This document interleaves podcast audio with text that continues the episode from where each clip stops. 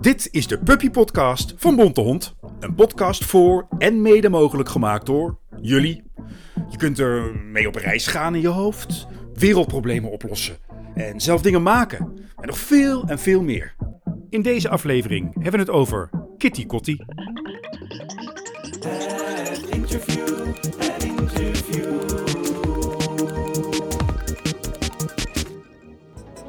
Alles wat je altijd al wilde vragen.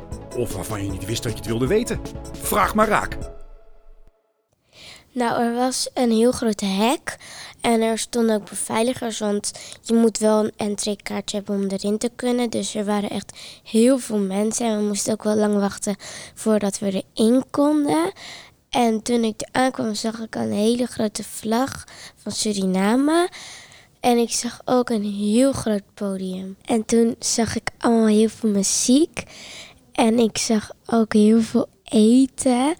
Eh, vooral Surinaams eten, zoals bijvoorbeeld bami of rijst of zo. Lekker drinken ook. En het was gewoon heel gezellig. Ik weet ook wat ketikotti betekent. Het, het betekent gebroken ketting. De slaven hadden altijd een ketting om hun been. En toen eh, eigenlijk vonden ze dat het niet meer zo leuk was. Dus toen zeiden ze, nou dan heet, noemen we het gewoon ketikotti. En dat betekent gebroken ketting. Om de afschaffing van de slavernij. Niet meer, dat het toen niet meer was. Dat ging papa vertellen in de auto en laatst had ik er ook een toets over. Ik wist er eigenlijk zelf nog bijna helemaal niks van. Nou, eigenlijk vond ik het helemaal niet leuk dat eh, iemand wordt behandeld, zo wordt behandeld. Terwijl eigenlijk is het helemaal niet leuk. En, eh, maar ik vond het wel leuk dat we dan feest gaan vieren. Want we hadden heel veel gedanst en gegeten, dus ja. Ik ga het gewoon aan papa en mama vragen. Papa en mama, mogen we weer naar het Ketikotti Festival?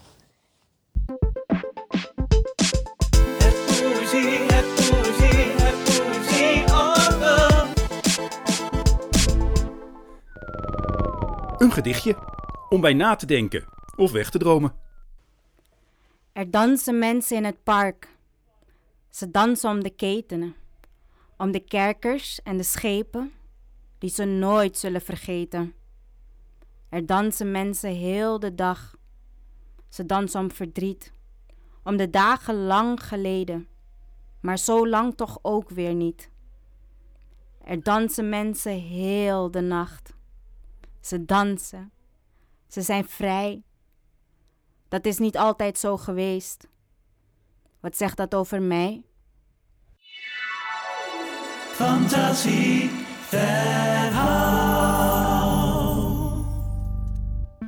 Lila, hond, duikboot, durven en ananas.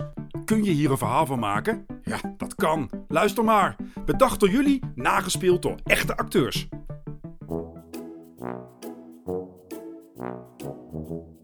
Nou, ik was dus een keer aan het eh, wandelen, vriend.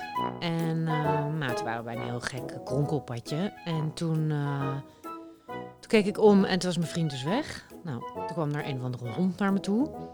En die leidde mij naar een heel gek huisje. En er was een soort lift. En die teleporteerde mij in dat huisje. En toen zei een of andere gekke troll. Hier, eh, eet deze ananas. En dan, en, en dan gebeurt er iets, heel speciaals. Vandaar dat hij ook lila is. Nou, dus toen eh, at ik dus die ananas. En toen teleporteerde ik in de lucht en eh, toen kon ik vliegen. Nou, dus ik vloog heel ver. En toen ineens, boem, werd ik geteleporteerd in een duikboot. Nou, toen was ik daar. En toen kwam dus iemand naar me toe. En toen werden we samen geteleporteerd naar een vliegtuig. Nou, daar moest ik dan weer uitspringen zonder iets of een parachute of wat dan ook. En toen zei die persoon... Ja, ja, ja, ja, dat, dat moet je dan wel durven, hè?